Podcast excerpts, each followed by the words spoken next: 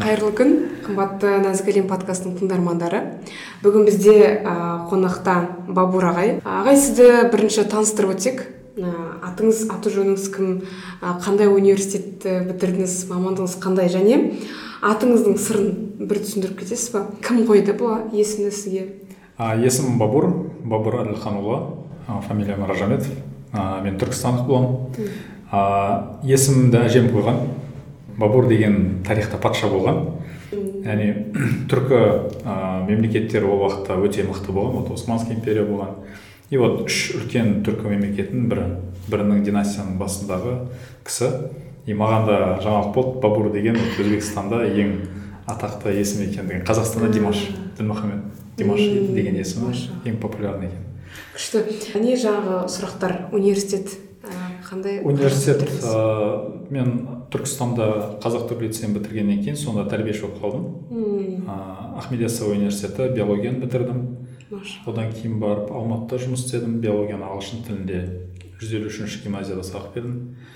Одан кейін барып ә, параллельно географияны ә, кешкі географияда мен лицейде олимпиадчик болғанмын әкем де географ сол себепті география менің алғашқы махаббатым? Пән ретінде.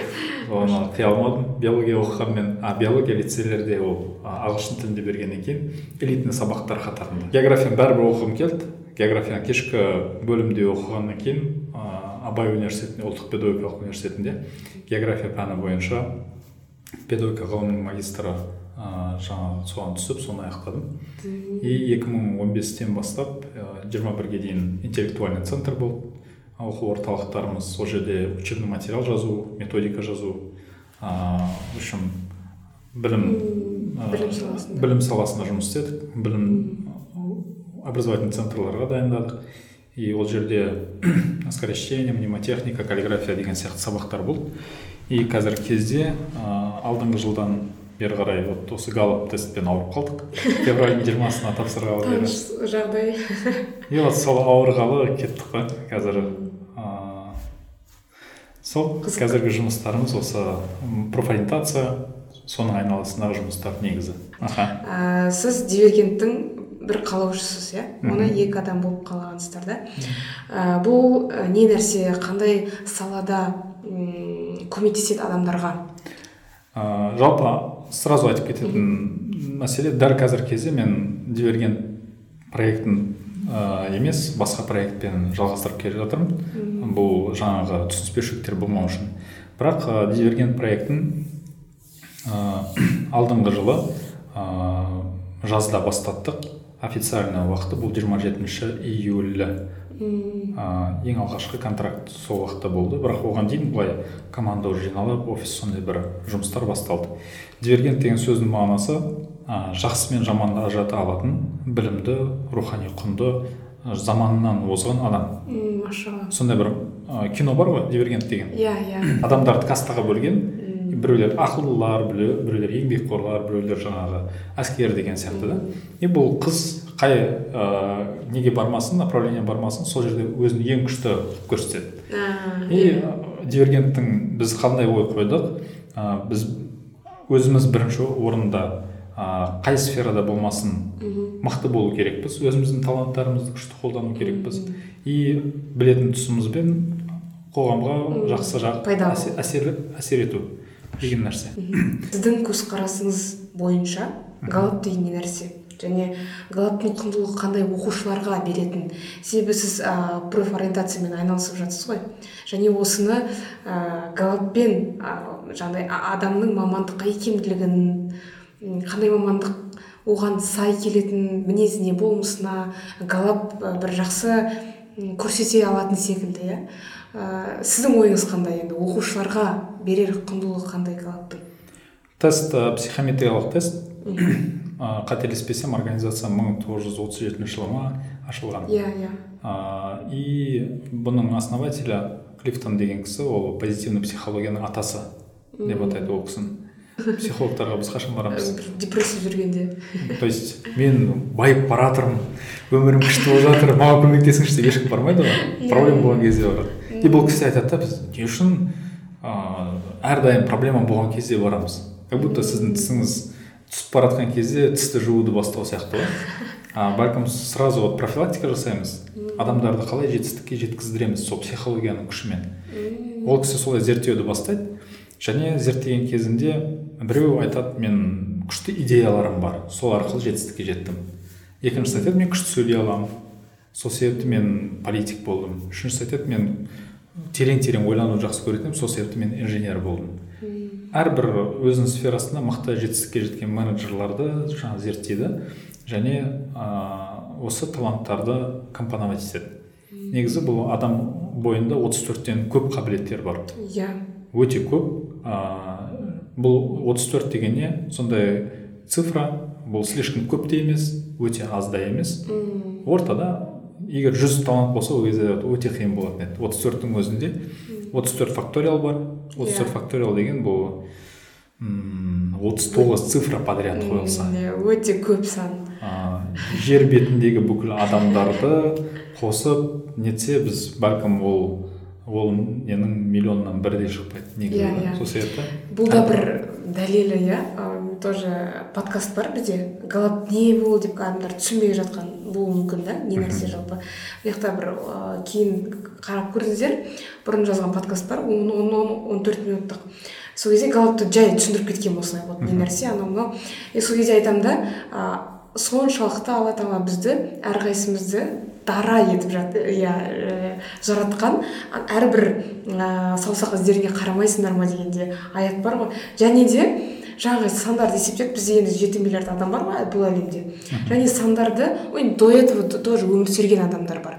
Біз өліп кеткеннен кейін дүниеге келетін де адамдар бар. Олардың санын қосқанның өзінде осы төрт факториалдан жетпей қалуы мүмкін. Немесе тіпті бірнеше миллиард есе төмен болады. Бірнеше миллиард есе машалла. Уже біз даже қайтыс болған адамдармен де ұқсамаймыз ғой получается. Болашақта келетін адамдарға да ұқсамаймыз. То есть біз әркімнің жолы өмірде ә, бар өзінің мағынасы болғаннан кейін ол адам жаратылды да. Ну аллах тағала бостан босқа ешнәрсе жасамайды. Ғой егер бір адам ойласа мен өмірде орным жоқ мен далбас адаммын бекер дүниеге келдім мен перспективам жоқ деген сияқты ше. Ә, бұл сондай болған үшін емес та ол адам просто сол тығырыққа тірелді да шыға алмай жатқан болуы мүмкін. Кейде болады ғой көзімді ашып қалдым ба деп қаласың. Просто свет өшіп қалған болады да кейде. Бір рет сондай болған андай сондай қызық жағдай болды. Короче сондай да әрбір адамның өз өмірінде орны бар мамандығы бар бұйырса бәрі бар. Просто адам сол нәрсені реализовать ету керек. Табу керек. Иә. Машалла.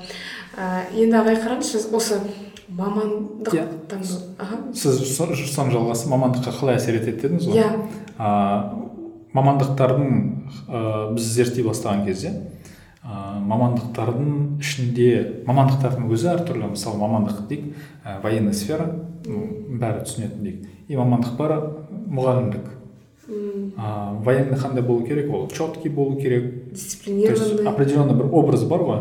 Ә, бірдей киінеді бірдей жүреді ер жүрек соғысқа дайын болу керек. Ол қару жарағын ұстап алып жаңағы марш бросоктар жасайды отыз километрлік та. А мұғалімдер ше немен айналысады? Егер мұғалімде ол баламен баланың ішкі жан дүниесімен білімін қалыптастырумен айналысады. А, мұғалімге сөйлесу керек сезу керек түсіндіру керек. Ол жерде абсолютно басқаша форматтағы жұмыс екеуі екі түрлі болғаннан кейін екі түрлі форматтағы жұмысқа екі түрлі форматтағы қабілеттер керек. И бұл қабілет болған адамдар сол жерде өзінің қабілеттерін қолдана алған кезінде адам өзіне ләззат табады иә иә иә. Галоп бойынша да сондай. Егер де сіздің топ таланттарыңыз көбірек жұмыс жасайтын болса иә. сіз ләззат ала бастайсыз. Машалла иә келісемін. Иә. Ал егер де мысалы сіздің таланттарыңыз слабый таланттарыңыз мысалы каждый раз сұрай беретін болса а помнишь сізде мысалы контекст помнишь помнишь десе мә менің есімде жоқ давай басқа нәрсе иә. Есік өтіп кеткен өтіп кетті ғой все бітті ғой давай вот қазіргі туралы сөйлесейік деуіңіз мүмкін да. Ол нормально. А контекстникте болды тоқташы десе ол наоборот айта алмай қалған сияқты сезінеді өзі. Адамдар әртүрлі да. Вот галоп тест тапсырған кезде бұл порядокты реттілікті шығарған кезде сіз адамды бірінші адамның өзінің кім екендігін анықтағаннан кейін галоппен байланыстыра отырып оның қандай деңгейде қандай проблемалар болуы мүмкін қандай жетістіктерге жете алу мүмкін. бұл нәрсені шығарасыз. Сол бойынша мамандыққа бағыттайсыз иә? Иә. Егер де таланттар ол мамандықтың ішінде қолдана алмайтын болса М, өте ол қиын. барғаннан кейін қиналады. Иә. Мысалы көп қайталанатын кейс мысалы қыздар әлемі более андай сезімтал иә. Олар ыыы бір кісі бір кісі- болады. иә relationship building күшті. Ол кісіге персональный көңіл бөлінсе хал жағдайын сұраса онымен сөйлессе ол кісі адамды қатты ұнатады. И ол мұғалім мұғалімге қарайды мен де осындай күшті мұғалім болғым келеді и одан кейін сол мұғалім сияқты оның мамандығы не? Математика мұғалімі. Мен де математика мұғалімі боламын осы кісі сияқты четкий күшті вот балаларға әсер етемін дейді. Және ерт- математика таңдайды даже математикадан күшті результат көрсетуі мүмкін. Университетке барады университетте персональный подход жоқ қой. Иә. Ол жерде более ответственный болу керек адам өз жауапкершілігі өзіне алады. Оқушы кезіндегі за- беззаботный өмір жоқ. Уже все не болады нәтижесінде жақсы көретін мұғалімі жоқ. Ол басқа жылдың оқушыларымен жұмыс жасап жатыр. А бірақ математика бар. Иә. А математиканы тікелей жауап беретін талант аналитикал интеллекшн ол жоқ адамда. Бірақ университетте не бар зачеттар бар. Иә. Нәтижесінде төрт жыл бар уақыт бар. Төрт жыл бар және сен төрт жылдың нәтижесінде тағы да қырық жыл ар жағында жұмыс жасау керексің. Күнде сол цифраны ұнатпайсың и жұмыс жасайсың. И сол себепті ә, фундаментальный адамның мотив және мотивациясы не екендігін анықтағаннан кейін бұл таланттардың күшімен таланттардың көрсеткішімен дальше баланы бағытта уже жеңілдеу болады. Барлығы осының барлығы өзін тануға алып келетін сияқты. Яғни адам өзін таныса ол жақсы мамандықты таңдай алады. Мысалы ана бала жаңа сіздің кейсіңізде то есть мысалыңызда өзін просто танымады да? Иә. ол ойлады. Болды мен апайым апайын танып алып тұр да ол просто. Өзін тану керек еді. Және ол жерде де мынандай мысалы сіз өзін тану керек еді дедіңіз ғой. Бала а, 17 жаста. А, он жеті жас бұл иә өте жас емес бірақ ол ол жаста да емес. Мысалы ә, сіз отбасы құрдыңыз. Иә. құтты құтты болсын. Ә, жаннар жақында тұрмысқа шығып так что құттықтаңыздар болсын рахмет. Ә, и мысалы сіз енді отбасы құрған кездегі қыз баланың өмірін түсіне бастайсыз. Иә иә иә оған дейін сіз иә вот картинадан индийский кинодан примерно шығаруыңыз мүмкін. иә сондай болуы мүмкін. Или вот ақ көйлек киім соның айналасында сіздің бүкіл Иә. центральный не нүкте жаңағы ақ көйлектің айналасында болуы мүмкін. Бірақ ақ көйлек бәрібір халатқа айналады ғой. Иә иә иә. И вот э, алжапқышқа айналады одан кейін уже бала дүниеге келген кезде одан да үлкен жауапкершіліктер түседі. То есть ол әлемді сіз ішіне кірмей ә, сырттан иә логично түсінуіңіз мүмкін рационально түсінуіңіз мүмкін бірақ эмоционально вряд ли түсіне аласыз.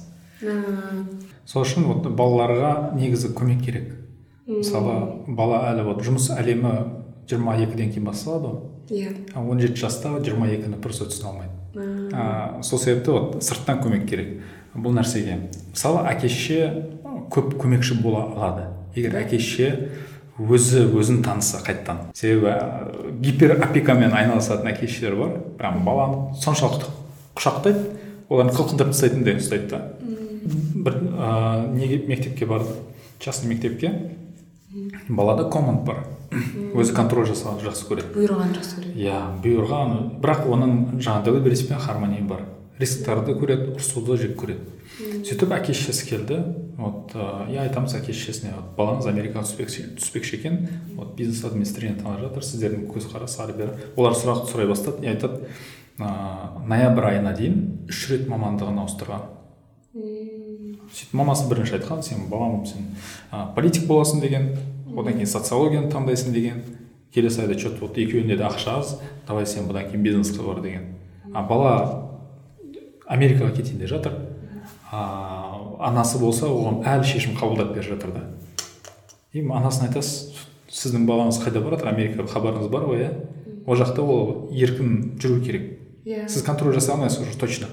А бірақ ол жаққа барып өз еркіндігін дәмін сезген адам қайтадан вот сол мамасының қайтадан сол контрольның астына кіруді қалай ма жоқ па? Қалай ойлайсыз? Вряд ли өзін еркек санайтын адам ондай нәрсеге подписываться етеді? А бірақ бәлкім қазір керек шығар 11 бірінші класста балаға еркіндік беріп еркіндік беріп көресіз и заодно контроль жасайсыз соны сырттан да бақылайсыз. Қазір хотя бы сізде мүмкіншілік бар. А бірақ кетіп қалған кезде қалай контроль жасайсыз ол? Бұл не сияқты андай ыыы ашып отқан адамға тамақ берген кезде ол бірінші екінші үшінші қасықты точно тығады аузына. Сонда бала барған кезде вообще наркотикке кетіп қалуы мүмкін америка свободный ол жақта?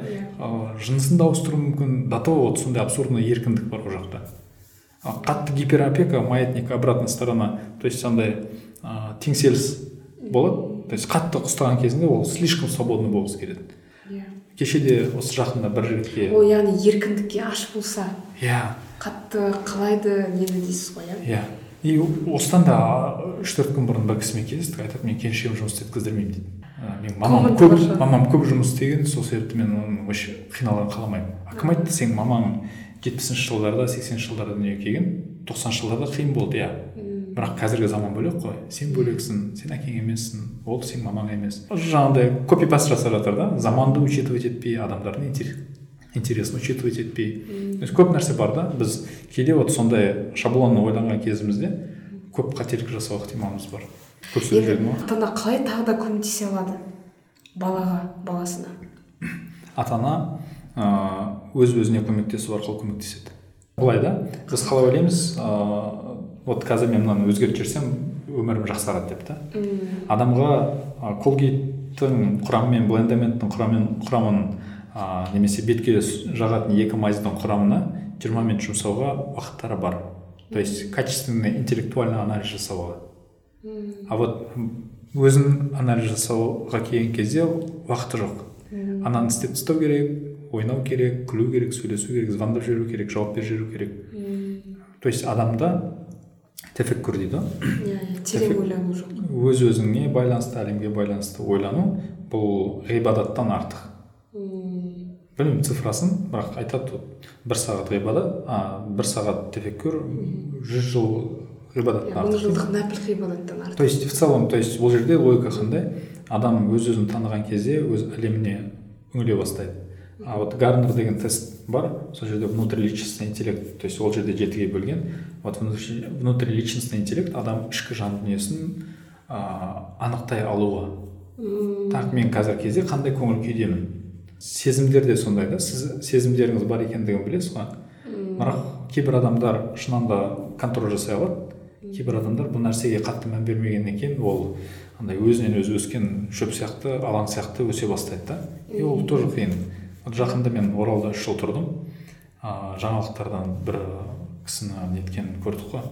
Мысалы да ыыы өлтірген да. И ойлайсың да жас жігітке бұл логично ма? Это выход бар вообще да мысалға ситуациядан шеше ма ол мәселені ол адам даже жаман болса да ол жаман адамды жаһаннамға жіберді да. То есть ол жерде ну шайтан қуғандау былайша айтқан кезде. Ал егер сен даже жаман адамды құтқарған жаман адамды жазалағанның өзінде проблема шешіліп тұрған жоқ. Бәлкім оған шанс беріп оны жақсы жолға тарту керек пе? Еді бұл мен өлтіруші до того сондай деңгейге жеткен мәселесі да. А өз өмірінде не істеді ал мен айтып тұрған жоқпын предприниматель жаман мынау жақсы еді деп та. То есть бұл жерде жақсы ешнәрсе жоқ ортада. То есть адам өз эмоциясын контроль жасау алу бұл өте қиын. Бірақ ол нәрсені жасай алған адам бірақ мүмкін. Мүмкін иә әрине мүмкін. Сонымен бір жүйелеп кетсек ә, мамандық таңдауда ата ана қалай көмектесе алады? Біріншіден олар өздерінің ата ана отношениесін дұрыстаса бала да ә, жақсара түседі. Екіншіден олар өз өздерін таныса ә, эмоцияларын сезсе және контроль ете алса. Және үшіншіден терең ойланса дедіңіз иә? Ну жаңа бір мен екіні жасау үшін ойлану керек. Ойлану керек болады. Аха. И тағы бір маңызды нәрсе айттыңыз. А еркіндік беруде. Яғни он бірінші сыныпта дедіңіз бірақ одан да ерте тіпті иә? И балаға еркіндік беруде таңдау жасауда ә, баланың қабілеттеріне қарай мүмкіншіліктеріне қарай баланы ә, сіз былай да контроль жасай аласыз. И бірақ сол контроль линиясының ішінде красная линия вот максимум минимумды определить етесіз и одан кейін көресіз мысалы балаға үш мың теңге бересіз бір апталық бюджет ретінде. И көресіз үш мың теңге не істеп жатыр? Мың теңгесін сақтап қойды мың теңгесіне пайдалы нәрсе алды мың теңгесін болмайтын нәрсеге жаратты окей отлично. Өте жақсы. Бірақ бала үш мың теңгені алған күні жүгіріп бараттаған болмайтын нәрсеге жарататын болса ну опасно. Тәрбиелеу керек. А бала үш мың теңгесін сақтап қоюы мүмкін. Не үшін? Келесі аптада мен мынандай мынандай велосипед аламын неге программа сатып алайын деп жатыр. Бересің? Контроль жасайсың. Бала уже үш мың теңгені эффективно қолданды ма? Бәлкім бес мың теңге бере бастайсыз. Бәлкім он мың теңге бере бастайсыз. Бәлкім сіз бизнес партнер ретінде балаңызбен жұмыс жасайсыз. Болашақта да то есть демек контрольдің өзін ә, мүлде контроль етпеймін еркіндікті толығымен беремін деген де болмайды. Еркіндікті мүлде бермеу де болмайды. Яғни бір алтын ортасын ұстану керек дейсіз ғой да? әрине и бұл нәрседе де қайтадан бірінші ә, мәселе өз өзін тану өмірінде еркіндіктің дәмін көрмеген әке шеше баласына абсолютно еркіндік беруі мүмкін. Мен қиналдым ғой кезінде. Иә. Вот сен вообще қиналмашы деп ше. Немесе наоборот болуы мүмкін. Әке шеше еркіндік алғандығынан күйген сол себепті айтады сен күйіп қалмашы деп баланы до конца контроль жасауы да мүмкін и гиперопека басталады да. Иә. Қызық.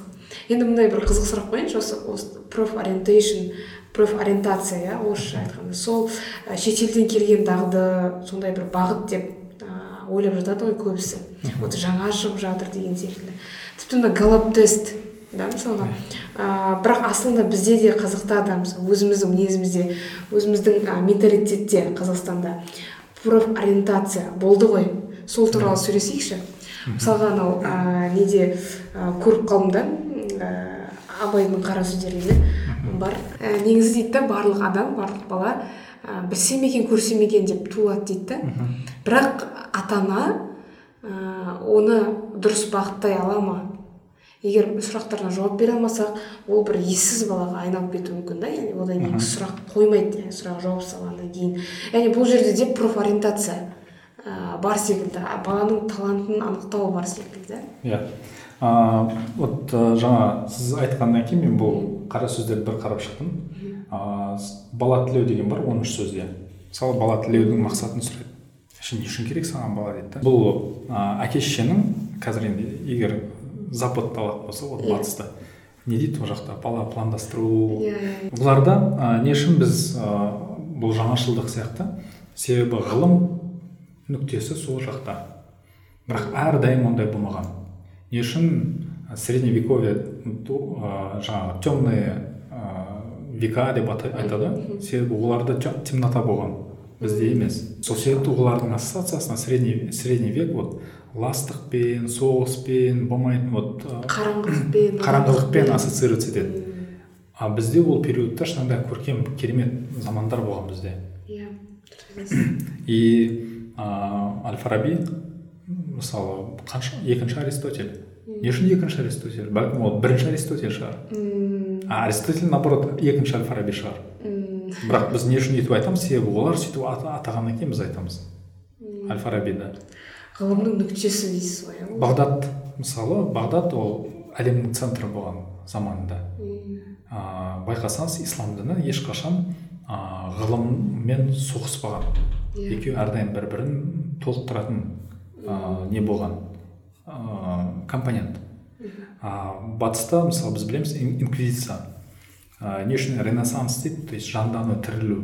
Вот ғылым тірілгеннен кейін олар осы деңгейге жетті. Бірақ ә, галилеоны жақ жүрген қаншама ғалымдар жақ жүрген олар не үшін? Жер домалақ деп айтқан үшін. Кім жақ жүрген вот поптар жақ жүрген то есть сол себепті оларда дінге ашулар бар. Өкпесі бар. Ғылыми адамдардың дінге өкпесі бар. А бізде екі ә, біз өзіміздің дінімізден бас тартқаннан кейін ғылымнан да алыс қалдық. Вот қара сөздерді оқитын болсақ оқыған кезде шынында абай атамыздың андай прям күйініп отқанын сезесің ше ана жерде не істеуін білмей қиналып бірінші сөздің өзінде мысалы айтады. Ыыы бай болайын ба? Не істеймін ол дүниені дейді да уже бұл жасқа келген кезде. Иә. Ғылым бағайын ба? Не істеймін ол нәрсені дейді кімге айтамын? Ол халық бар ма ол менің айтқан сөзімді тыңдайтын. Түсінетін түсінетін халық бар ма иә. то есть айтады билік керек па? Ну не істеймін ол билік ол. Ол жерде политика бар басқа бар халыққа орыстардың қол астында халыққа реально қызмет ету мүмкін емес. И айтады ну ладно мен өз қаламыммен сиямды алайын и бір нәрсе жаза бастайыншы бәлкім біреуге пайдасы тиеді деген сияқты да. Пайдасы тисе алсын пайдасын көрмесе әр өз сөзім өзімдікі деп иә. и вот ол жерде де мысалы қарасақ бір периодқа келген оған дейін определенный бір қызметтер атқарды ғой. Иә и айтады все ол уже маған қызық емес. Адамдарда ондай период болуы мүмкін. Белгілі уақытқа дейін бір профессиямен келеді бір жолмен келеді. И уже тұрып қалғанын сезеді дағы не істейді? Все келесі этапқа өту керек. Ол мамандықпен болуы мүмкін немесе ол мамандықта жинаған бүкіл тәжірибесін алып келесі мамандықта болуы мүмкін. Келесі жауапкершілікте болуы мүмкін. То есть абай атамыздың да өмірін қарасақ профориентатор. Іздеп жатыр да условно ше бұл жасқа келгеннен кейін мен немен айналысамын? Қандай форматта өмір сүрейін? Деген сияқты. И әрбір несінде вот конечно енді заманауи профориентатор профориентациямен байланыстыруға болмайды бірақ адамның табиғаты ең адам атадан бері осы жерге дейін ашу деген бар дамуға қалау деген бар то есть базовый адамның сезімдері сезімдері білімдері таланттары ол өзгермеген. Ыыы сол себепті біз профориентацияны шетелден заты деп ойлаймыз. И біздің елімізде де профориентацияны адамдар ыыы ну көпшілік дұрыс түсінбейді. Профориентация деген көбінесе вот ә, мектепте мысалы бар қанша мың мектеп сонша мың профориентатор бар. Иә. Yeah. мен қазірге дейін ә, профориентаторлардың қолында жүйелі түрде бір жұмыс ә, отталкиваться етіп жасайтын нәрсе көрген жоқпын. Проф ориентация деген екі сөзден тұрады. Профессияға ориентир жасау. Профессияларды білу бұл интеллектуальный жұмыс. Ориентировать ету үшін психология білу керек. Возрастной жаңағы особенностьтарды физиологиялық особенность бәрін білу керек. Уже баланың өмірін білу керек. А біздегі профориентация бұл шетелде екі позиция бар. Карьер канцлер бар и колледж канцлер бар. Иә иә иә. Біздегі колледж канцлер бар. То есть вот ұбт жақында дайындал. Ана документті нөл сексен алтыңды ал. Аттестатыңды жина айлтс тапсыр деген сияқты ондай механический жұмыстар бар. Уже более менее вот реттеле бастады ол нәрсе. Частный мектептерде особенно продвинутый мектептерде. Бірақ именно профессияларды біліп профессиялардың ішінен характерлерін анықтап балаларға вот сен сен видишь мынау мына мамандықта бар деп айтатын адамдар ну саусақпен санарлық шығар. Сол себепті вот профориентация деген бұл интеллектуальный жұмыс механический жұмыс емес. Вот қазіргі стандартный профориентатор дейік в кавычках бұл көбірек механический жұмыс чем интеллектуальный. А более менее разбираться ететін адамдар бар ма? Жоқ емес бар. Бәлкім өте жақсы білетіндер де адамдар да болуы мүмкін. Бірақ системный бұл бағыт ну кәдімгі просто ашық. Пустой алаң ше иә бұны түсіндіріп кетсек бұл мамандықты.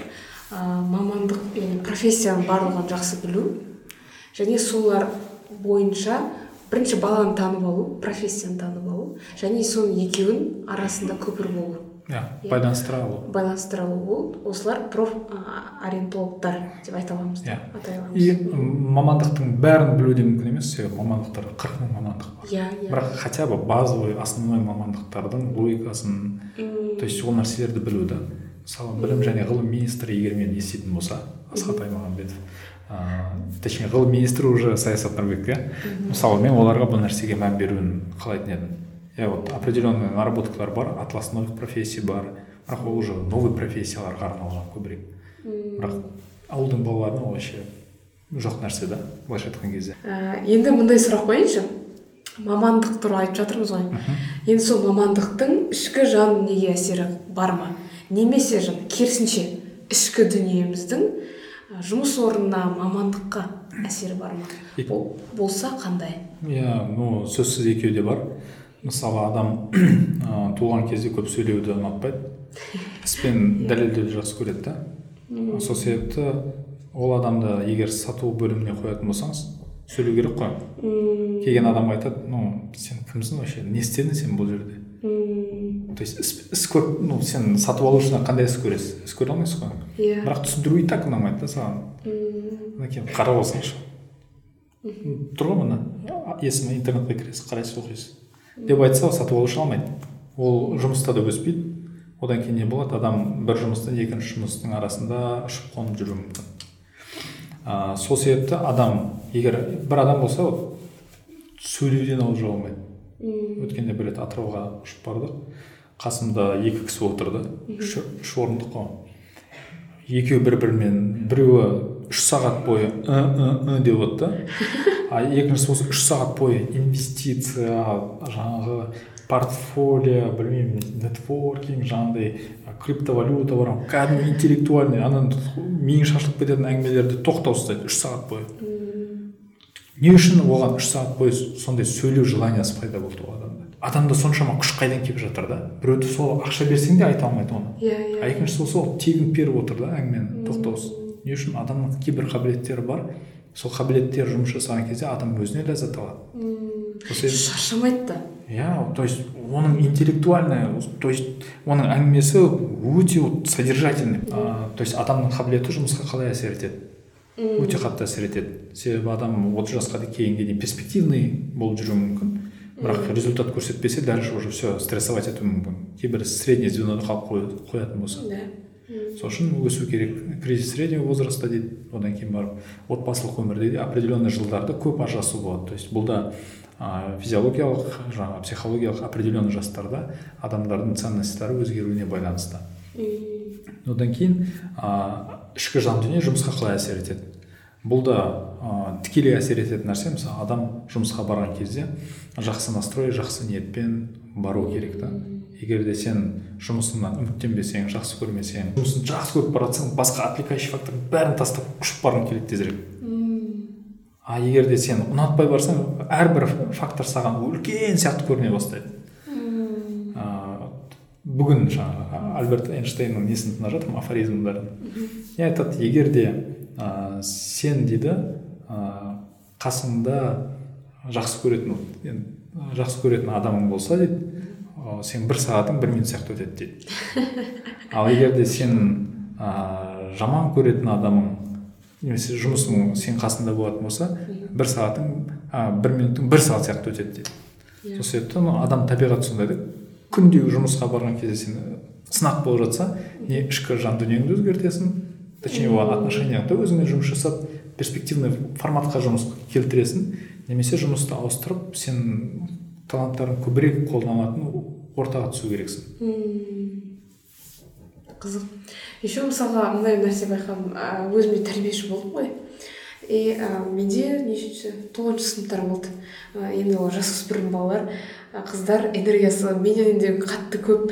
И бірақ солардың жанында жүріп бір жасарған секілді болдым да. Яғни мамандықтың жан дүниеге әсері бір осындай бір кішігірім ә, мысалдармен ақ көрінеді да. Және мындай нәрсе бар. Ә, жан мен тәнді аллах тағала бір обликқа салып қойған ғой енді. Бір қалыптамыз. Бір стаканның ішінде деген секілді да.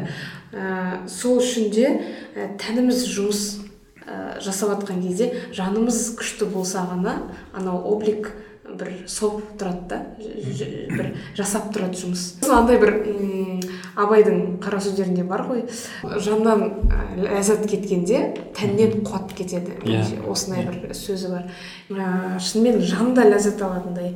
Тән де қуатты болу үшін жақсы жұмыс мамандыққа сай өзіміз талантымызға сай мамандық. Вот былай айтайын бұған байланысты ыыы вот тест тапсырған кезде мен оралда болдым. Ну стандартный менің ұйқым стандартный сағат еді жеті сағат сондай ұйықтайтын тұғынмын тест тапсырғаннан кейін ыыы где то бір күнде төрт сағат сондай тыңдаймын короче таланттардың түсініктемесін оқу тыңдау сондай бір онлайн кезде бүкіл жұмыстарым онлайн тұғын и уақыт көп тұғын. Ну подкаст қойып қоясың тыңдайсың аудио тыңдайсың сондай да кітап болады. В принципе оқуды бастайсың жаңағы ыыы бар болған ресурстың барлығын қолдану да сөйтіп жүрген кезде ә, где то майдың басында менде андай ұйқы саны азайып кетті екі есеге. И вот ә, сол майдан бастап ә, не қазақстан ұлттық телеарнасында талпын деген жобасына түскенге дейін петропавлда стабильно күнде төрт сағаттың айналасында ұйықтайтын тұғынмын. Бәлкім сәл аздау бәлкім сәл көп этом шаршамайсыз? Жоқ. Ыыы сондай взрыв болды менде. И бірінші аптада айтамын короче досыма. И менің ішіме жын кіріп кеткен болуы мүмкін абайлашы короче вот егер де мен қусам мені апарып шығар деймін да вот басында ну ешқандай не до прикола болды себебі вот ғашық болған кезде жүрегің соғып тұрады ғой тоқтаусыз иә, иә. сондай период болды да. Машалла тоқтаусыз сондай. И вот сондай период болды. Қазіргі кезде мысалы в принципе бес сағат соның айналасында да. Бірақ жеткілікті нормально.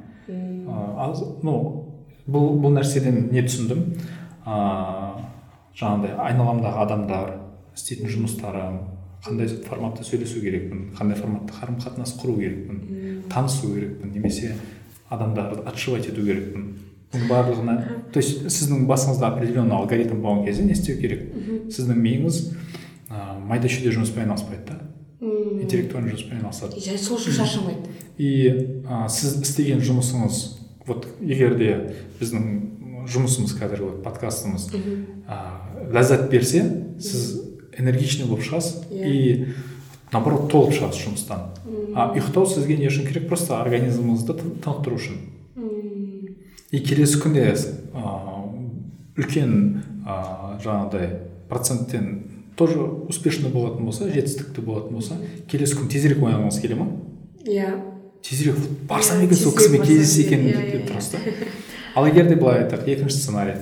А, сіздің жұмысыңыз ұнамайды и ісіңіз де онша болмады ұнамады шыққаннан кейін қандай настроениеде боласыз одан кейін ұйықтайтын уақытыңыз қандай болады? Тез ұйықтай аласыз ба? вот дополнительно бір сағат ұйықтай алмайсыз ойланып соны бұрылып домалап та. Одан кейін келесі күні тұру уақытыңыз қалай болады?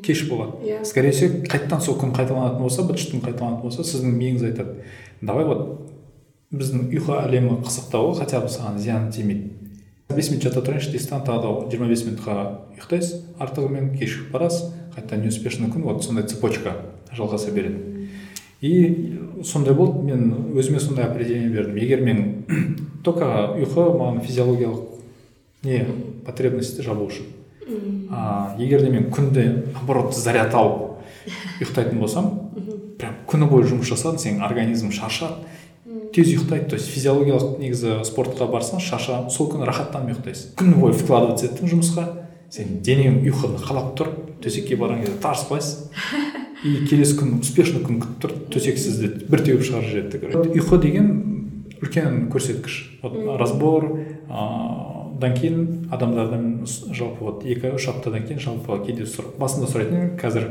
просто физиологиялық үлгеру. мүмкін емес. Бірақ басында сұрайтын ұйқы қалай болып жатыр?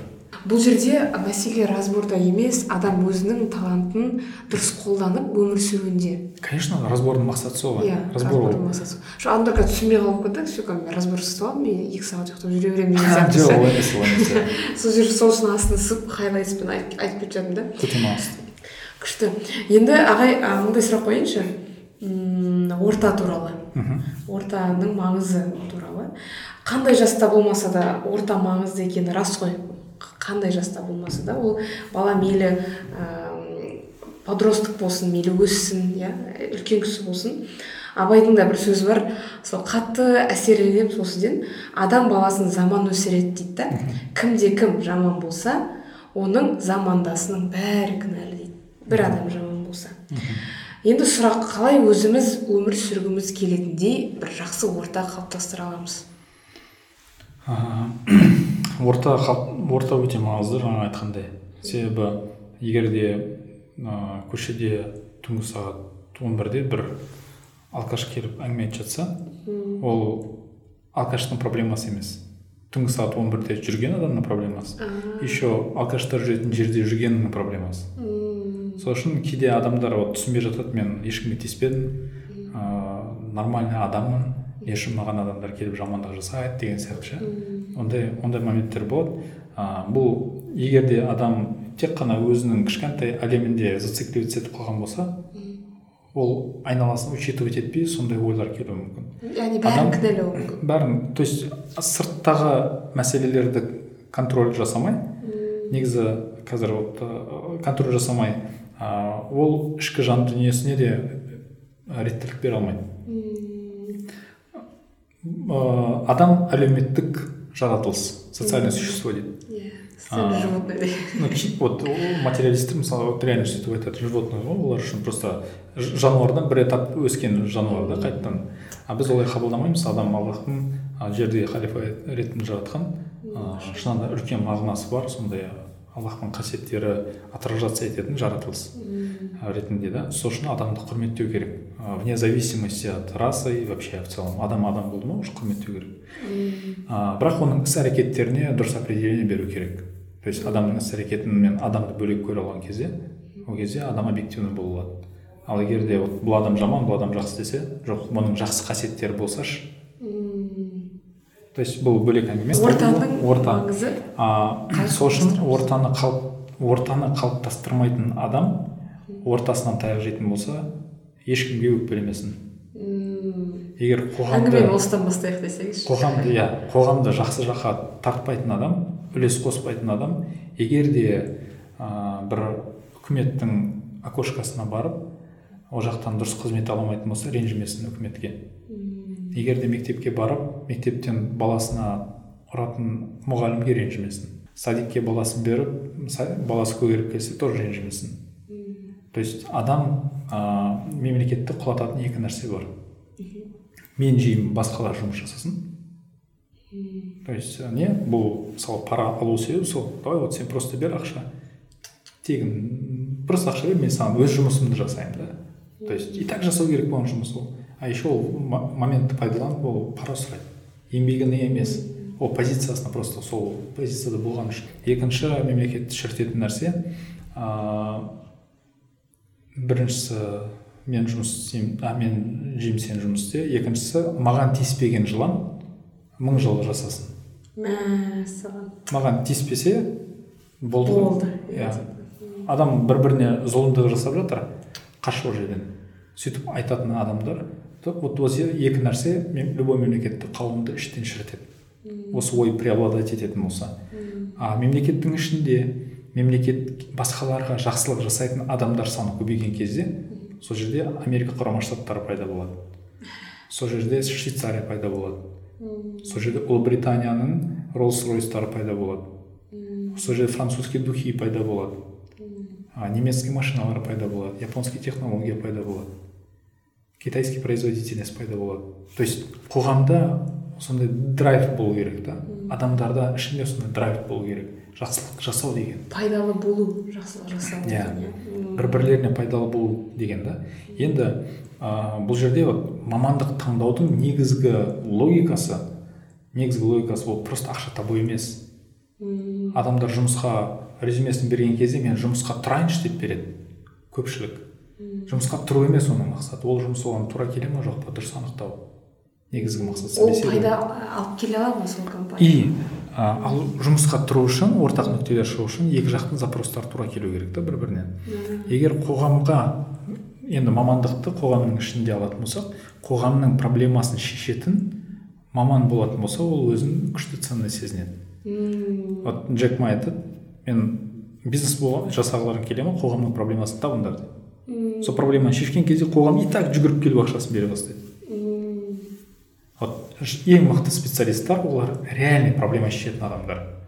Реальный проблема шешеді деген репутация қалыптасқан кезде компаниялар корпорациялар адамдар оның артына просто тізіле бастайды по очереди. Сол себепті адамдардың негізгі мақсаты вот клиент жинау имидж қалыптастыру. Ол емес ол побочный эффект ол. Онсыз да болады и так сіз мысалы ә, ну айтайық вот ә, көйлек сатып алайын деп жатырсыз бірақ көйлектің именно мына жеріндегі түймесі үшін көйлек алмайсыз ғой дұрыс па? Сіз көйлектің мына түймесі болсын деп нетпейсіз ғой. То есть көптеген элемент бар да сіз просто көйлек қалай қалау, қалау керек та? Оның ішінде мына түйме болсын мына түйме болсын мына жерде мынандай емес та просто а, егер қоғамның проблемасын шешетін болсаңыз қоғам и так сізге рахметін айтады ғой. Вот биыл абайдың ә, жаңағы юбилей болып жатыр иә? Абай атамыздың соның қара сөздеріне тоже ссылка жасап жатырмыз и мысалы абай атамыз не істеді? Негізі да? Иә. Өмірде. Барып біреудің енді бірге болған жоқпын бірақ мысалы барып бір мектеп ашылуына қатысып немесе бір көпір салып ондай есімде жоқ мен қазірге дейін оқығаным ол кісі вот реально дерттенді. Халық үшін халыққа ағарту жұмыстарымен айналысты. Сол уақытында да. И то жаңағы бірінші қара сөзін оқысақ түңіліп кетесің да. Өз өзіне бір нәрсе істеп жатыр да. Үлкен дертімен да. А қазіргі кезде вот қай ханның есімі абайдың есімінен көп цитата болады. Қай политиктің? Қай политиктің абайдың атамыз сияқты ауданы көшелері мектептері бар? Ешкімнің. Хан білесіз ба тоже бір абайдың қарасын талдап жатқан кезде? Ермек деген ағай айтады да ол дінтанушы. Абай атамыз дейді да білесіз ба бір ақ кітап жазды дейді да. Бір ақ кітап болды бір қара сөз болды. Қалған өлеңдер жинағы. Енді екеу дейікші жарайды екі ақ кітап жазды. Ал мысалға кейбір жазушылар он кітап жиырма кітап жазады бірақ әлі аты жоқ. Неге десеңіз себебі ықыласта жатыр дейді да мәселе. Сондай. Дерттеніп сен сен реально жақсы көрген кезіңде реально халықты жақсы көріп сен уайымдаған кезіңде белгілі бір уақыттан кейін бұл нәрсе тарих тарихты тарих әрдайым уақыт өткеннен кейін жазылады. А ондай адамдар бұл сияқты. Қараңғылықты көресің түсінбейсің неғып ол неғып батпақ қылды деп. Ренжуі де мүмкін адамдар. Шынында ма? Өз өзімен жүр деп ше. Дәл сол сенің потенциалыңды мына жерде істей алатын едің ғой деген сияқты ше. Оларға и так көп нәрсе предлагать етілген. Бірақ олар айтады ну мағына жоқ дейді ол жұмыстарды. Мен қоғамға реально пайдам тимейді ол жерде. А мен қоғамға менің ойымша вот біліммен айналысайын. И өзінің дертін ойын қағазға төккеннен кейін ол қағаздың замандастары түсінбеді өтіп кетті. Бірақ ол жиырма отыз жылдан кейін более интеллектуально развитый қауым келген кезде айтады ой е мое вот реально осы кісі ғой біздің лидеріміз да и қайтыс болғаннан кейін ол бұлт кеткеннен кейін күн шығып күн нұры түскен кезде жердің астынан жаңағы көркем гүлдер өсе бастайды. Сол кезде а вот бұлттың арқасында деп адамдар уақыт өткеннен кейін мойындайды. Вот түркістан қаласынанмын ғой? Қазақстанда ең атақты сооружение қайсысы? Ахмет яссауи мавзолей. Қазірге дейінгі теңгелердің бәрінде бар еді почти. Иә иә иә. Иә мысалы да. Не үшін? Вот ол кісінің тарихында қарасаңыз тоғызыншы оныншы ғасырда оныншы он бірінші ғасырда өмір сүрген кісі ол. Ағартушылықпен айналысты толды ағартушылықпен айналысты біліммен жаңағы исламды осы түркі халықтарына жайылуына үлкен үлес қосты и кесене қай жыл қай ғасырда тұрғызылды білесіз ба? он бесінші ғасырда қателеспесем он бесінші ғасырда. Әмір темір арқылы. То есть үш жүз жыл бойы қайда болды ол кісі? Соншама мыңдаған он мыңдаған шәкірт тәрбиелеп қаншама халықтың өсуіне әсер еткен. Үш ғасыр бойы қайда оның мавзолейі қайда оның мектебі атағы? Вот салынды. И салынғаннан кейін тарих әрдайым шын құнды адамдарды ортаға шығарады. Ол сәл ерте или сәл кеш болуы мүмкін. Бірақ тарих әділ негізі. Аллах тағала әділеттілікті әрдайым ортаға қояды. Даже шықпаса да ар жақта точно береді ғой. Иә иә бірақ негізі жер бетінде ондай заңдылықтар бар. Бар бар бар иә. И бұл заңдылықтарды учитывать ететін адам ә, мимолетный да андай қарапайым адамдардың или вообще просто қарапайым деген адам жоқ адамның әрбірі құнды просто вот қарапайым мақтауы бар емес пе өтірік. Ол нәрсеге қатты мән бермейді да. Просто өтіп кете салады ну че ладно. Рахмет рахмет деп. Иә иә иә. Сол себепті абай атамыздың вот дерті негізі шынында сол себепті де біз ыыы құрметтейді да ценить етеді адамдар иә иә ықыласта жатыр да мәселе ше. Иә. Иә сонымен ағай сұраққа қайтып келейікші. Мәселе мынада. Ой сұрақ мынада. Ә, ортаны қалай қалыптастырамыз? Енді ортаны қалай қалыптастырады? Бұл жерде ә, мен не істедім? Менде релейтер бар ғой.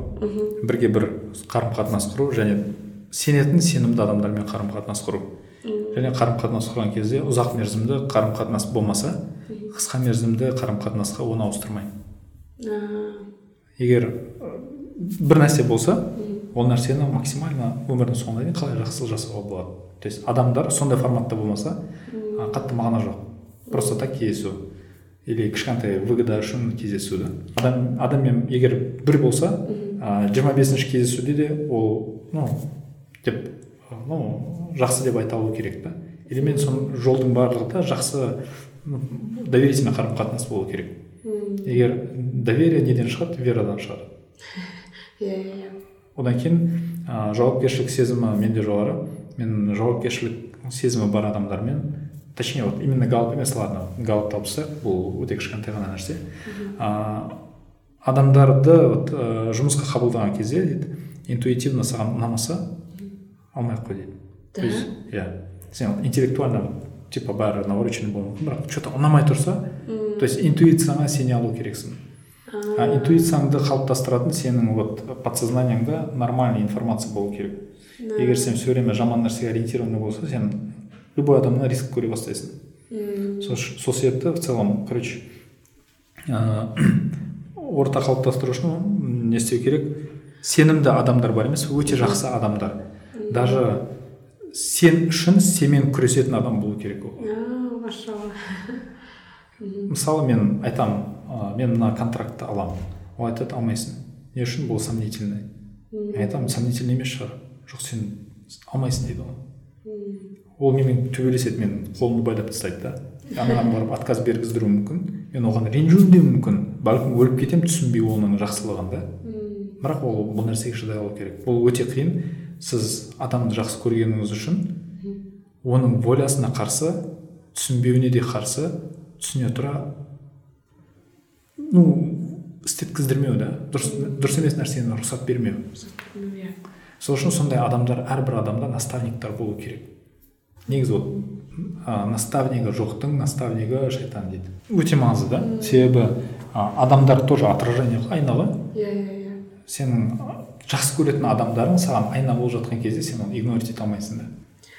Жақсы. Мен бір қорытындылап кетейін. Сізден түсінгенімді. Аха.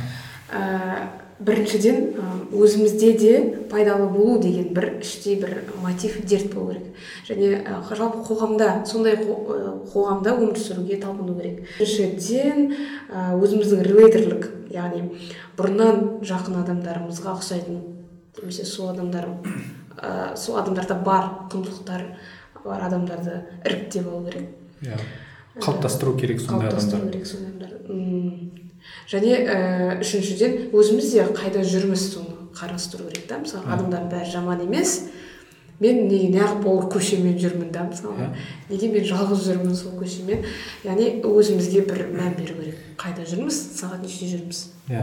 Енді мындай сұрақ қояйыншы осы мамандық таңдау жар таңдауда дұрыс таңдауға таңдау жасау үшін ә, жас буынның болашаққа дайындығы ғой жалпы. Галапты тапсыруда бір дайындық секілді көрінеді да болашаққа мамандық жар таңдау уже андай взрослый тақырыптар да былайша айтқанда осының барлығы бір болашаққа дайындық секілді және бұл барлығы галап дейміз да профориентация дейміз барлығы бір жаңа стратегия сияқты да енді ә, бұрын ондай болған жоқ қой мысалы галап болған жоқ профориентация болған жоқ дегенмен болашаққа бір дәстүрлі дайындық та керек сияқты да ә, енді сұрақ осындай болашаққа дайындық стратегиясы қандай болу керек? Жаңашылдық пен дәстүрліліктің орта жолын қалай ұстанамыз? Алдыңғы жылы досым сәтбаевтың несін и және марғұлан сейсенбаевтың подкастын тыңдаған кезде ма сол кезде айтқан еді мен егер президент болсам бірінші жұмысым ә, тарихтағы біздің ата бабаларымыз бар емес па? Солардың істеген еңбектерін зерттеткіздіретін едім дейді. Не үшін? Біз өз тарихымызды білмей ә, білмеген кезіңізде сіз ойлайсыз ә, барлық нәрсе бізден емес сырттан. Досым ә, қазір вот неге барып жатыр ә, магистратура оқуға америкаға. Система қалай? Америкаға түсу үшін сен ақша төлейсің. Еще олар отказ бере салуы мүмкін. Не үшін? А бізге бір американец келіп жұмыс істесе біз қуанамыз. Иә. шапкамызды аспанға лақтырып. Не үшін да? Абырой болады бізге. Себебі ол халық бір деңгейге көтерілгеннен кейін да ғылыммен технологиямен. Сол себепті бұл өте маңызды. Енді а, қандай дәстүрлі? То есть әрбір халықта күшті қасиеттер бар. Яғни әртүрлі халық жараттым дейді ғой? Иә. Тағала и оның мақсаты не? Бір бірлерін танысын деп. Вот сіз де айтып жатсыз тұрмысқа шыққан жер мен сіздің туған жеріңіздің айырмашылықтары иә бар иә иә. Айырмашылықтардан байлықтар дүниеге келеді. Сіз әркім не үшін қаласа бір халық қылып жарата салатын еді? Ғой иә иә иә. Иә әртүрлі болудың мағынасы бір бірлерін танысын. То есть сіз- мен сізден бір нәрсе үйренемін сіз менен бір нәрсе үйренесіз. Екеуміз қазір бір бірімізден жақсы нәрселер алып жатырмыз и екеуміз де байып жатырмыз. Иә. И мәселе қандай? Ә, әртүрлі болған кезде енді біз білуіміз керекпіз. Қай халықтан біз заманауи қандай білімдерді алу керекпіз? Мысалы ә, америка технология кино түсіру профессионализм HR менеджмент. То есть көп направление оларда топ дұрыс па? Иә. Біз солардың сол нәрсені алу керекпіз. А бірақ оларда қандай минус бар? Оларда отбасы да отбасы құндылықтары бітіп шыққан ажырасу өте үлкен. Одан кейін оларда ә, семіздік қырық алпыс пайызға дейін ба бір нәрсе короче өте үлкен. Ә, семіздік бар. Одан кейін білуім бойынша төрттен бір немесе үштен бір тамақ мусорға кетеді. Ол нәрсе үйренуіміз керекпіз ба? Жоқ. Одан кейін то есть мәселелер сондай да біз олардың дұрыс емес жақтарын білеміз. А адамдар қалай ойлайды? Американецтер сияқты болу үшін шашымды фиолетовый бояу керекпін. Вот корея корея иә ол жақта не үйренуіміз керек? Технология тоже. Біздің жаңағы бытовой технология барлығы сондай. Кішкентай жерден қалай олар дамып жатыр? Қандай қандай жолдан өтті деп олар сондай жетістікке жетті. Біз оны білуіміз керекпіз. Японияда тоже сондай. Технология бар ма? Жер сілкінісі тоғыз он балл болады бірақ дәл здание орнында тұра береді. Біздің болса на ровном месте салынған үйлеріміз құлай береді. Даже ешнәрсе керек емес. даже, даже құс отырған жоқ ол жерге. Құлататындай. И біз анық бірақ аниме бар ма? То есть анименің ішінде де плюс минустар бар. Аниме манга, манганың фанаттары қазір маған накидывать етуі мүмкін оның ішінде жақсы нәрсе жоқ деп айтпаймын. Бірақ в целом мысалы депрессниковый көп элементтері бар. Адамды вот алып кететін да. И ол моменттер бар. То есть керек нәрсесін алу керек керек емес нәрсесін алмау керек. Енді біздің халықта қандай күшті қасиеттер бар оларды анықтау керек. Мысалы абай атамызды оқитын болсақ вот екіншісінде айтады ноғайды ноқай деп жаңағыдай отыра алмайды деп күледі дейді. Ананы андай деп айтады мынаны мынандай деп айтады. Орысты былай деп атайды. Иә. И вот мәселе қандай? Оларды төмендетіп қарағанда біз өзіміз жоғары емеспіз ғой дейді да. Иә иә. Біздің де өзіміздің минустарымыз бар ғой и вот әр ұлттың ерекше бір пайдалы жағы бар ерекше таланты бар деп айтады екінші бізде мысалы менің ойымша шығармашылық креативный креативити бізде вообще супер қазақстанда. Не үшін? Адам базовый тіл екі тіл. Қазақша орысша. Одан кейін барып біздің халықта ағылшын тілін білу деген өте оңай. Егер бір тілдің үстіне бір тіл білген адам оған үшінші тіл білу отыз үш ақ процент қиын болады. Да. Бір бір тілді үйрену условно жүз пайыз сізге. Екінші тіл ол жүздің то есть елуі. болады. Одан кейін отыз үш одан кейін геометрический прогрессия жеңілдейді. А әртүрлі тіл білу деген әртүрлі менталитетке выход деген сөз. Орыс тілді білмейтіндерге ғылым тілі оған алыстау. То есть ғылымның тілі бөлек. Ағылшын қытай орыс емес. Ғылым тілі бөлек. Жаңалық тілі бөлек. Ол әлемдерге олар жабықтау болады. Сол себепті егер біздің аудитория енді қазақ тілді аудитория ғой иә. жалпы тіл білу өте маңызды сол үшін. Егер ағылшын тілін білсеңіз сіз заманның дәл қазіргі уақыттың тілін білесіз. Сол себепті мектептің өзінде ең прогрессивный мұғалімдер кімдер? Ағылшын тілді мұғалімдер. Бұл базовый да. Сол себепті бұл тілдерді меңгеру керек негізі адам. Орыс тілі иә мықты. Бірақ ол дәл қазіргі кезде заман тілі емес уже. Себебі санкциялардың әсері бар басқа то есть барлық әсер әсер етеді. Сол себепті біздің халықта ә, бұл периодта үлкен мүмкіншілік бар. Вот именно орта азияда особенно қазақстанда. Егер де біз бәрі нормальный болатын болса бәлкім жиырма жиырма бес жылдан кейін определенный центр сингапур сияқты немесе қазіргі құрама штаттар сияқты центр осы жер болады. Ә, сонымен бір қорытындылап кетсем болашаққа дайындық стратегиясы жаңашылдықпен дәстүр қалай ұстанамыз? Жаңашылдық ұстану үшін ағылшын тілін білу керек. Ол себебі заманның тіліндеміз және дәстүрлік ор, дәстүрлікті ә, қолға алу үшін ә, өзіміздің ұлтымыздың қайнар көзін алу керек және басқа да ұлттардың ә, артықшылығын ерекшелігін өзімізге ә, сіңдіріп. Иә мысалы мектепке кірерде не көресіз? Кел балалар оқы бірақ білесіз ғой иә одан басталмайтын. Иә. Неден басталады? Бір аллаға сыйынып. Вот біздің тарихта бір аллаға сыйынып кел балалар оқылық бұл ыбырай атамыздың мысалы сөзі да.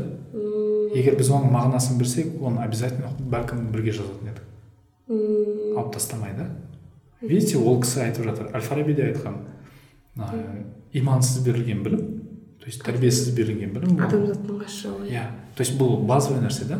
Егер де біздің регионда тәрбиелі адамдар білімді трендке айналдыратын болса білімді көркем негізгі жұмыс көзіне профессияға халыққа пайдалы тигіздіретін сондай келтіретін болса ну керемет болады. Вот алдымызда он бес жиырма жылдың ішінде өте үлкен өзгерістер болады құдай қаласа. Иншалла сондай болсын деп үміттенеміз. Енді ә, подкастымыз соңғы жағына келіп қалды. Бір қорытынды ретінде бір сұрақ қояйын. Аха. Жастарға айтарыңыз нені ескеру керек? Неден қашу керек? Қайда қашу керек? Жастар дегенде мынаны кәдімгі ә, дұрыстап та фокус менде фокус бар да. Ә, мектеп оқушыларынан хай скул дейді ғой. Он бірінші он екінші сынып оқушыларына. Сондай жастарға айтарыңыз. Ә, біріншіден жаман ә, токсичный әдеттерден көп уақыт жұмсайтын ә, себептерден арылу керек. Кішкентай жастардың ең үлкен ресурсы ол уақыт перспективасы. Біз сол үшін перспективный балаларды жақсы көреді а үлкендердің ең ценности не? Құны? Тәжірибе. Сол үшін ә, кішкентай балаларда не қымбат ресурс соны сақтауға тырысу керек. Және соны аялау керек соны құрметтеу керек. Уақытын демек уақытын. Бірінші очередьте уақытын және уақытты жейтін нәрселерді исключить ету керек. Одан кейін бала дүниеге келген кезде аппақ парақ сияқты дүниеге келеді. Жаман картина жаман сурет жаман іс жаман жамандықтардың барлығы жаман картина қалдырады. Ал оны өткен уақыт өзгерту мүмкін емес. Сол себепті жаман нәрсеге ден алыстау керек. То есть кейбір күнәларға жақындамаңдар дейді істемеңдер демейді. Жақындадың ба сен уже соның аурасындасың да уже жақсы емес. А егер жақындамасаң точно істемейсің. Ыыы бұл екінші нәрсе. Үшінші нәрсе сенің ыыы наставнигің болу керек.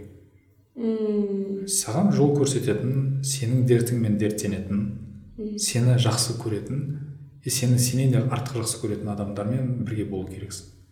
Бұл аға болуы мүмкін иә ағаң анаң атаң. И және оларды абсолютно идеальный адам болу керек деп қарамау керек. Себебі идеальный адам біреу ақ болып келді и ол жоқ арамызда. М, бірақ оның идеальный жолы бар. Машалла. И біздің ә, әкеміздің кейбір күшті қасиеттері болуы мүмкін бірақ майда кішігірім слабые сторона қасиеттер бар болса оған акцент жасамай ақ қою керек. Күшті қасиетіне акцент жасау керек. И және жақсы қасиетін көбірек көру керек.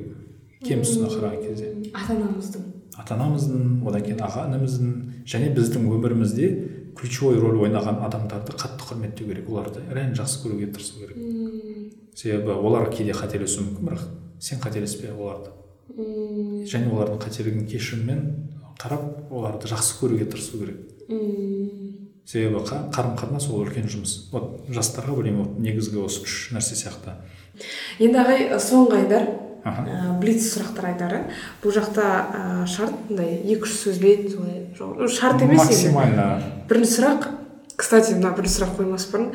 Менде подкасттың аты нәзік әлем ғой негізі әу баста басталарда жаңағыдай ә, сіңіліме арнап па- пайдалы болсын деп жалпы сіңілім қатарлы қыздардың бәріне пайдалы болсын деп нәзік әлем деп аталған кейін ә, шектеу жоқ ерлер де көп тыңдайды. Қазір статистика тіпті тең елуде елу да. Дегенмен мына сұрақ маған қатты ұнайды да қыздарға пайдалы болады деп ойлаймын. Сол нәзік әлем деген атаудың құрметіне қойып жатырмын. Анаңыздың қандай қасиетін қыздар үшін үлгі етіп айтар едіңіз? Мейірім және еңбек.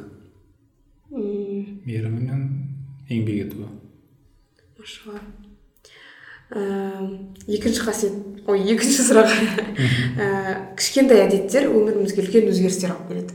Сіздің өміріңізде көп пайдасы болған қандай кішкентай әдетіңіз бар? Бәлкім ол кішкентай емес. Көп аудио подкасттар тыңдау және мен мысалы ютубтағы менторым джордан питерсон. Мен оны тыңдамайтын аптам жоқ шығар. Енді күн демей ақ қояйын точно. Тыңдамайтын ап- аптам скорее жоқ. Ютубтағы ментор деп күшті айттыңыз ғой. То есть мен өзіме вот ыыы релейтер ғой. Өте жақын вот кейбір менің заттарым бар релейтер заттарым бар. Мен оны ну тастамаймын тастамауға тырысамын.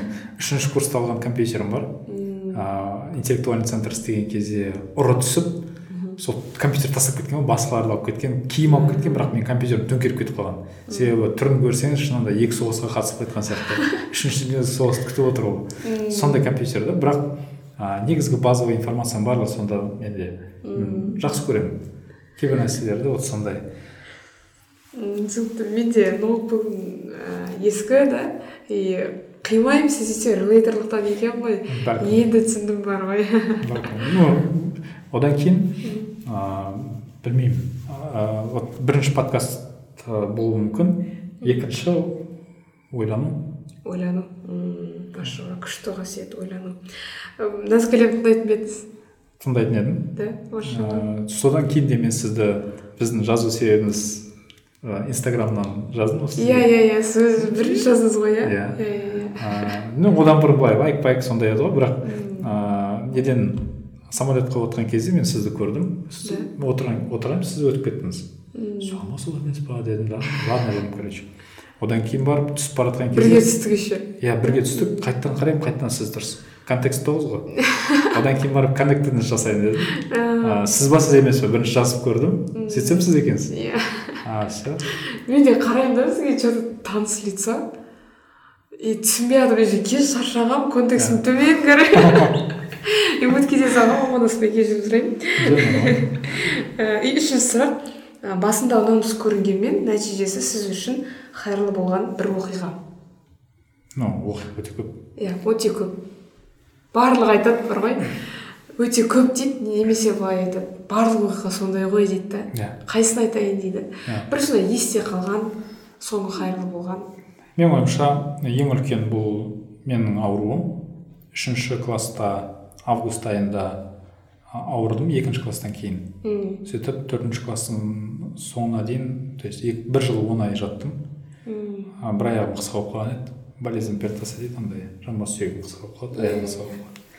И сол екі жыл почти бір, бір жыл он ай жаттым. Жүруге болмайтын еді тұруға болмайды отыруға болмайды. Әке шешең алыста олар төрт апта үш аптада бір рет келеді. Бес алты сағатқа ыыы ну бала кезім ну баласың ғой бәрібір жақсы көресің сағынасың жылайсың. Бірақ сол период менің ойымша ең үлкен маған әсер етті деп ойлаймын. Бәлкім сол себептен мен зеленый зонам стратегик болып өсіп кетті. И бәлкім сол себепті де жаңағыдай ыыы ну ол жерде заман екі тоқсан тоғыз екі мың бір еді ғой. Кейбір балалардың әке шешесі тастап кететін тұғын. Ауырып олар үш жыл емделеді бес жыл емделеді төрт жыл емделеді. И до конца емделмейді кейбіреулері и вот жетім адамдарды көресің. Ыыы бәлкім сол себепті де вот отбасы мәселесі мен үшін қатты не болуы мүмкін деп ойлаймын да. Себебі қандай жазықтығы бар балалардың ә, енді мындай сұрақ. Дұрыс шешім қабылдау үшін қандай ұстаным қандай принциптарға сүйенесіз? Мысалға там мамандық таңдау жар таңдау туралы айтып жатырмыз ғой. Бәрібір дұрыс шешімге әкеліп тіреледі.